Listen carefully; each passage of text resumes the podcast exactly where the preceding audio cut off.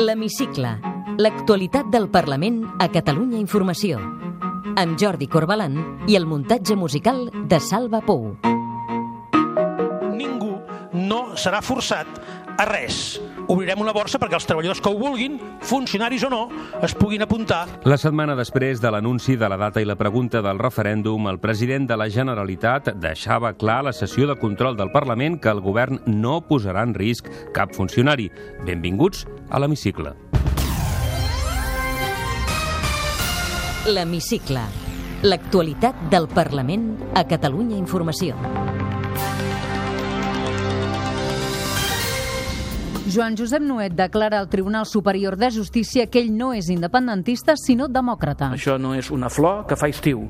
Això connecta profundament amb conviccions democràtiques i amb deures democràtics que tenim peti qui peti. Govern i oposició discrepen sobre el compliment dels acords del ple de la pobresa. Viure millor és l'objectiu principal de poder disposar de les eines d'un estat. Catalunya no és pobra, però la riquesa de Catalunya està molt mal repartida. El ple aprova la llei que garanteix l'accés a la sanitat pública dels immigrants en situació irregular. Ara ja no caldrà garantir-ho per la porta de darrere i la garantirem, aquesta universalitat, amb totes les de la llei. I avui ens contesta en una frase el qüestionari de l'hemicicle Assumpció Laïlla Jou, portaveu política de Demòcrates de Catalunya i en aquests moments diputada Junts pel Sí.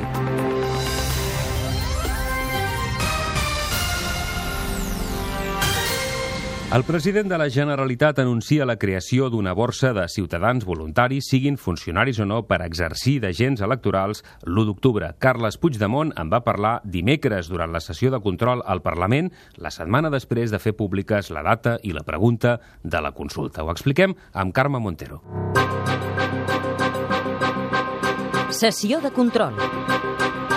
El govern calcula que necessitarà 4.500 voluntaris que triarà entre els ciutadans que s'hi presentin, els formarà i els acreditarà com a agents electorals. És en aquest sentit que Puigdemont feia aquest anunci responent la interpel·lació de Jordi Turull, de Junts pel Sí, i del copaire Benet Salelles. El mode amenaça l'han ampliat d'una manera descarada fins a, a casos, jo crec, eh, delirants. I s'estan centrant en molts col·lectius amenaçant-los. Ningú, ningú no serà forçat a res i el govern es garanteix a un absolut garantisme. És veritat que obrirem, com s'ha fet sempre, com alguns ajuntaments han fet, d'altres han preferit gestionar-ho d'una altra manera, obrirem una borsa perquè els treballadors que ho vulguin, funcionaris o no, es puguin apuntar perquè el govern els acrediti com els agents electorals que en el referèndum, com en totes les convocatòries electorals precedents, són els que hauran de donar la garantia del procés electoral. No només que hi hagi garanties, sinó que entre tots i totes coneguem aquestes garanties i fem el conjunt de la societat eh, partícip del coneixement d'aquestes garanties. A partir d'ara crec que toca que coneguem tots els detalls. Jo ja li avanço que a finals d'aquest mes de juny, com molt tard principi de juliol, crec que serà més a final de juny que no a principi de juliol, presentarem tots els detalls tècnics i legals que avalen que el referèndum es farà amb totes les garanties. Des de Catalunya sí que es pot, Lluís Rebell qüestiona que el referèndum es faci en garanties i el socialista Miquel Iceta retreu al president que amagui el full de ruta del referèndum. El referèndum que vostè ens proposarà no podrà eh, adaptar-se als paràmetres de la Comissió de Venècia. Nosaltres tenim la impressió que vostè ens demana una mena d'acte de fe. Quan parlem de garanties, veuran que s'adscriuen a la perfecció totes elles el que són els estàndards de la immensa majoria dels referèndums d'autodeterminació que hi ha hagut en els, especialment als països més democràtics. Ara, ara m'ha confós del tot. O sigui, m'està dient no porten aquesta llei vostè, els grups o qui sigui, perquè qui ha dit en públic que ja té els detalls és vostè, senzillament perquè els hi fa por quina pugui ser la reacció dels tribunals o del Tribunal Constitucional que vostès mateixos ens van dient que no faran cas. No hauria d'ignorar el que passa en aquest país no ja per aprovar un decret, sinó per anar a un acte públic, com li ha passat a la consellera Borràs, que per anar a un acte públic ja forma part d'un relat de la Fiscalia que quan un el llegeix se li posa veu de nodo i tot al seu voltant es transforma en blanc i negre i comences a veure 727 pel carrer perquè ens transporta a una altra època. Vostè no hauria d'ignorar això. El popular Xavier García Albiol acusava Puigdemont de covard i la cap de l'oposició Inés Arrimadas va demanar-li que torni la paga que deu als funcionaris. Que a més de ser un irresponsable és un covard. Cada dia son menos, están más solos, pero eso sí, más radicalizados y prueba de ello la tuvimos con el señor Guardiola el pasado domingo. Tenint al darrere la Fiscalia, el sistema judicial, el Ministeri d'Interior, la cara A i la cara B, el sistema mediàtic, tot un govern de l'Estat. Al darrere, molt valent no cal. Per recórrer el primo de Zumosol de les clavegueres de l'Estat no cal ser molt valent, senyor Albiol. La valentia, sap quina és la valentia?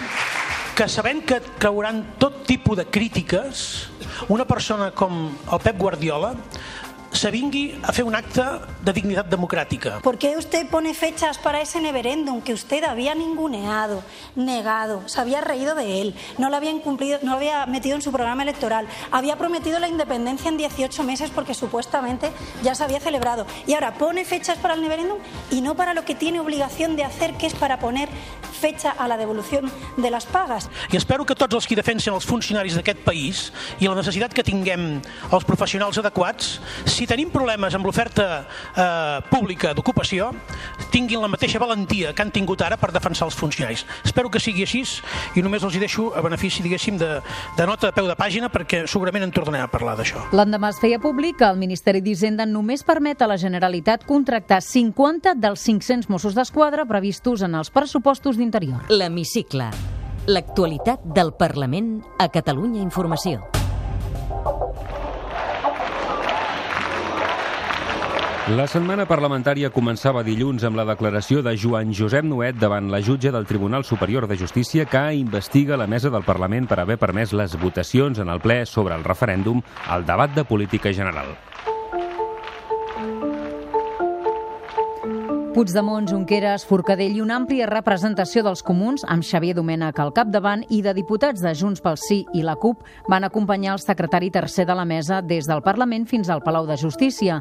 A la sortida del Tribunal, Nuet i la presidenta Forcadell es van adreçar als ciutadans que s'hi havien concentrat.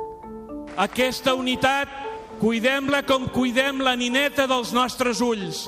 Aquells que ens volen a trossos, aquells del PP que estan a Madrid i se'n fan creus de que aquí hi hagin banderes de tants colors, els hi diem no, som un sol poble, amb un sol poble serem lliures. Nosaltres hi som perquè vosaltres ens hi heu posat i només vosaltres podeu posar i treure diputats i diputades al nostre Parlament.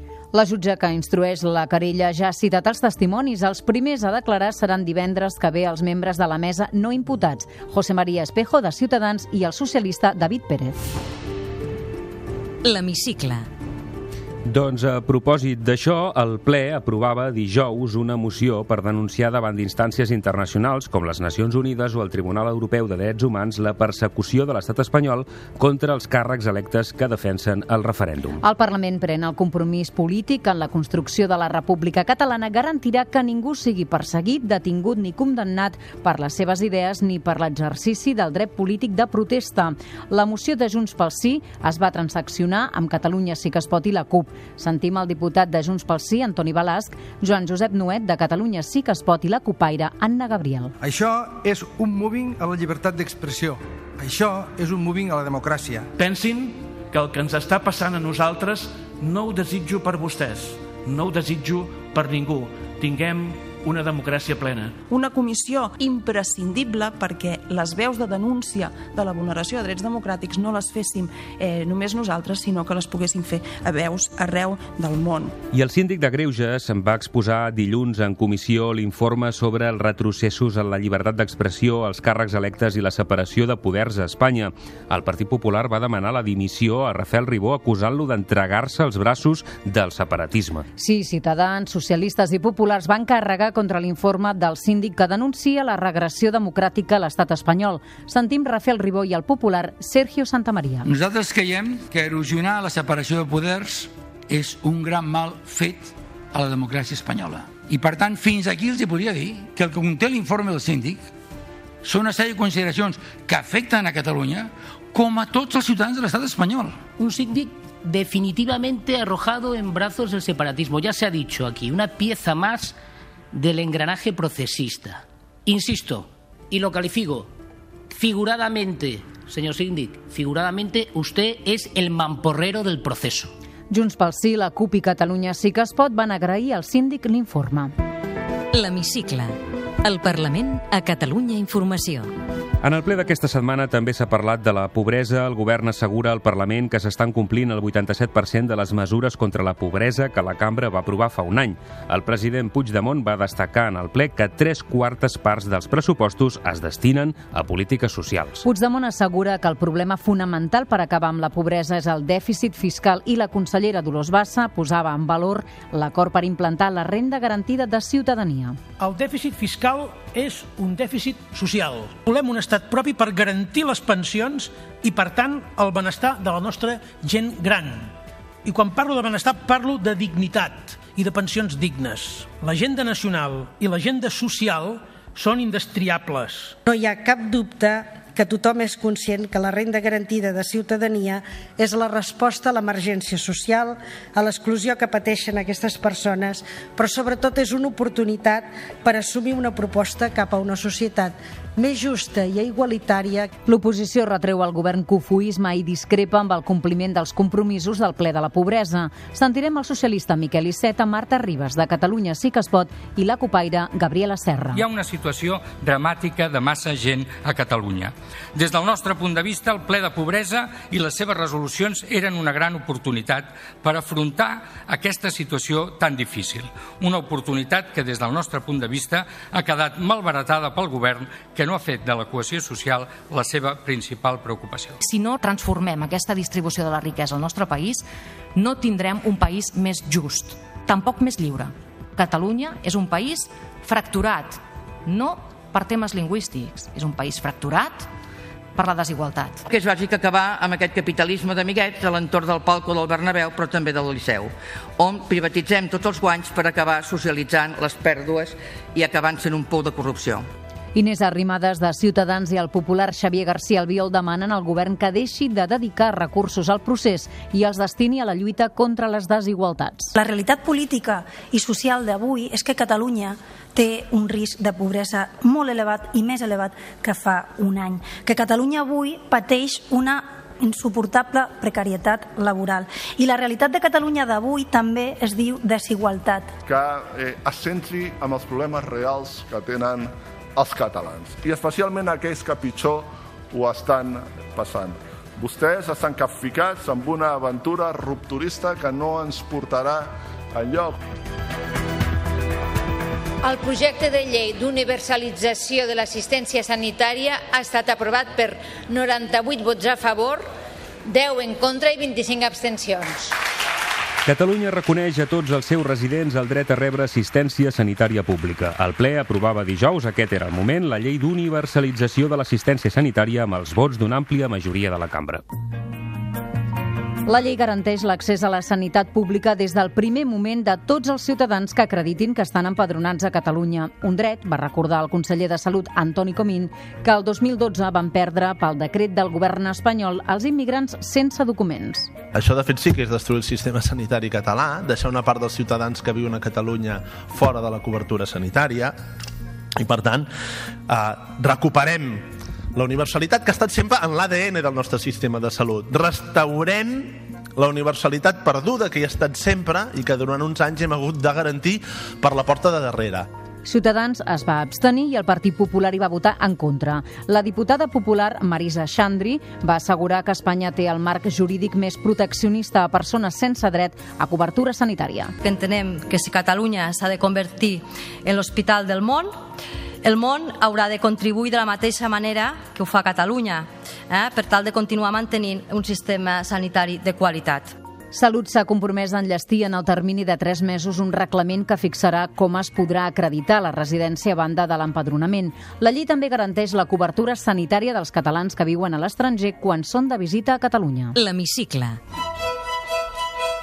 I el ple ha aprovat aquesta setmana per unanimitat una altra llei, la llei que permetrà que a partir d'ara els testaments puguin contenir les voluntats digitals dels difunts. La llei de voluntats digitals preveu la possibilitat de designar en vida un hereu digital que serà l'encarregat de tancar els comptes o de gestionar el llegat digital del difunt. El conseller de Justícia, Carles Mundó, deixa clar que la llei no resol tots els problemes, però que és un primer pas. Catalunya és pionera regulant el llegat digital dels difunts a la xarxa i donant noves eines per protegir els menors que fan un mal ús d'aquestes xarxes. som conscients de les dificultats, però no seria acceptable creure que perquè podíem fer poc no vam fer res. La llei també preveu que els pares puguin suspendre l'accés a la xarxa d'un fill si perceben que hi ha un risc per a la salut física o mental del menor. L'oposició ha criticat la precipitació en què s'ha tramitat la llei. El ple donava llum verda a la tramitació d'una proposició de llei de la CUP que permetrà que els ajuntaments que municipalitzen serveis públics incorporin els empleats de les empreses privades que deixen de gestionar el servei. El ple va tombar l'esmena a la totalitat que hi havia presentat el Partit Popular. El diputat de la CUP, Joan Garriga, va defensar la proposta. Protegir els processos de remunicipalització i, sobretot, donar protecció als treballadors el diputat no escrit Germà Gordó, que aquest ple ha estrenat escó a l'hemicicle al costat del PSC, es va desmarcar en la votació de Junts pel Sí i es va abstenir.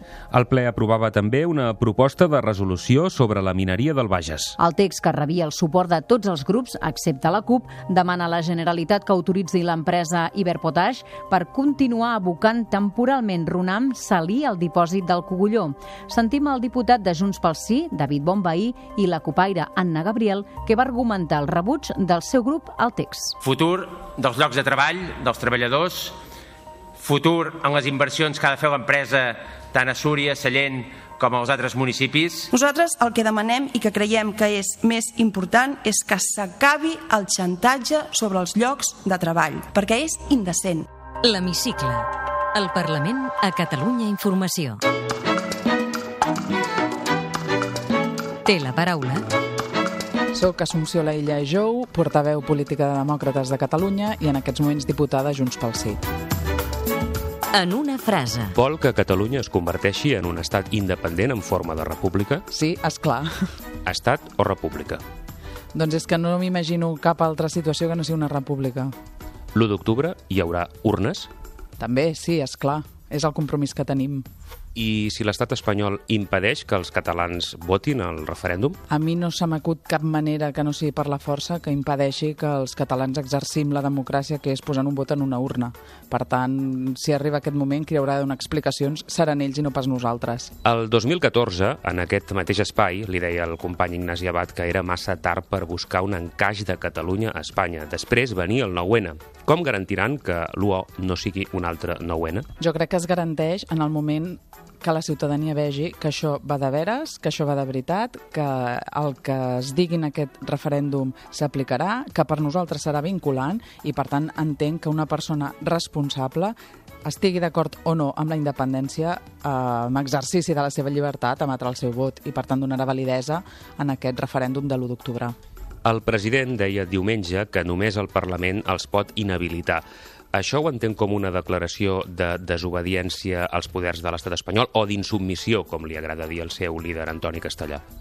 És que, de fet, estem en un procés en el que en algun moment haurem de ser insubmisos a les lleis de l'estat espanyol per ser submisos a les lleis que manin del Parlament de Catalunya. I, per tant, li podem dir com vulguem, però hi haurà aquest punt on haurem de canviar la nostra obediència. I, per tant, eh, estic d'acord que els únics que ens podran eh, canviar aquest full de ruta és el Parlament de Catalunya i darrere la ciutadania el dret a decidir, el referèndum s'haurà d'acabar guanyant al carrer en forma de mobilització? Jo crec que la mobilització ja l'hem guanyada. Portem molts anys de grans mobilitzacions al carrer on la ciutadania ha parlat una i una altra vegada i de manera cívica, de manera responsable i, per tant, una vegada més, crec que si cal la ciutadania estarà a l'alçada i sortirà al carrer, però en aquests moments la responsabilitat la tenim els polítics. Faríem un flac favor al final del procés si tornéssim a passar la pilota a la ciutadania. Referèndum o referèndum, cadena de confiances, roda del hàmster, el mentrestant, de tot el vocabulari que està generant el procés, amb quina paraula o expressió es quedaria? Jo crec que amb la il·lusió. Estem en un moment on el que hem d'aconseguir és que entre tots eh, construïm un nou país. Com pensen construir un país net de corrupció? Doncs fent neteja de totes aquelles rèmores que tenim del passat. Certament hi ha moltes coses que, amb les que no m'hi sento reconeguda, que no m'agraden, de com s'ha fet política els últims anys. Jo hi he estat també i no m'agrado, no? quan miro enrere i veig com hem pogut doncs, eh, permetre entre tots que hi hagi segons quines pràctiques en la política i per tant crec que el primer punt és reconèixer aquest no agradar-se per tal de construir un país net i nou. Eh, què feia professionalment abans de dedicar-se de ple a la política? Ui, jo sóc infermera, infermera especialista en salut mental. Quina llei li agradaria més aprovar aquesta legislatura? Doncs miri, en aquest moment un tema que per la infermeria és clau, que és la prescripció infermera. Portem molts anys batallant per això i d'una vegada per totes haurien de donar resposta a una realitat, perquè no estem demanant res més que no sigui legislar una situació que ja succeeix i que, a més a més, va en favor de la qualitat de l'assistència sanitària al nostre país. Un referent polític. Doncs Carrasco i Formiguera. Recorda què volia ser de petita? Vull moltes coses, entre elles ballarina. Imagini's, quins canvis. Digui'ns un defecte seu. Doncs eh, en tinc forces, la veritat, i potser és a vegades aquesta inseguretat que, que es tradueix a vegades en ser potser massa impulsiva, no? Carn o peix? Les dues coses van bé. Recorda quin va ser el seu primer cotxe? Sí, uh, quan vaig tenir la primera nòmina amb un contracte indefinit, doncs vaig anar a comprar-me un cotxe i em vaig comprar un Golf. Dorm amb el mòbil a la tauleta de nit? No. Creu en el poder de les xarxes socials? Sí, força, i crec que els últims anys moltes de les mobilitzacions, no només al nostre país, eh, sinó arreu s'han fet via xarxes i tant que tenen poder. Recomani'ns un llibre. Doncs en aquests moments, els que tinc a sobre la taula, que em duraran malauradament força temps perquè amb dos eh, criatures petites a casa és molt complicat trobar estones per llegir, però el senyor Floyd, de Genís Cinca, i després alguna novel·la negra en aquests moments sota l'aigua. La banda sonora que posaria la Catalunya d'aquests temps que ens està tocant viure. Qualsevol de música catalana, començant des de l'època Lluís Llach, com no podia ser d'una altra manera, fins també per tots els grups actuals, donarien resposta i reflex del que som. L'Ametlla de Mar, Agramunt, Barcelona... On es quedaria? Jo en aquests tres llocs, per desconnectar... Jo sóc molt barcelonina, em sento molt barcelonina, però certament desconnecto força quan vaig a la Cala o vaig a Gramunt, que són els meus pobles d'origen i amb els que hi tinc vinculació familiar, i per tant en qualsevol dels tres llocs m'hi podeu trobar. Tindrà temps per anar-hi, per fer vacances aquest estiu? Home, espero que una miqueta sí. Jo crec que hem de fer família també. Tinc dues criatures petitones que també es mereixen un temps de desconnexió i per tant espero poder donar-los una miqueta del meu temps també aquest estiu. Quin és el seu principal anel ara mateix? Doncs uh, poder votar l'1 d'octubre i aconseguir la llibertat del nostre país. Assumpció La Illa, diputada del grup parlamentari de Junts pel Sí per Demòcrates. Gràcies per ser avui a l'Hemicicle. Gràcies a vosaltres. Podeu tornar a escoltar l'Hemicicle al web catradio.cat barra hemicicle i seguir l'actualitat del Parlament a través del Twitter a arroba hemicicle i arroba cati-política.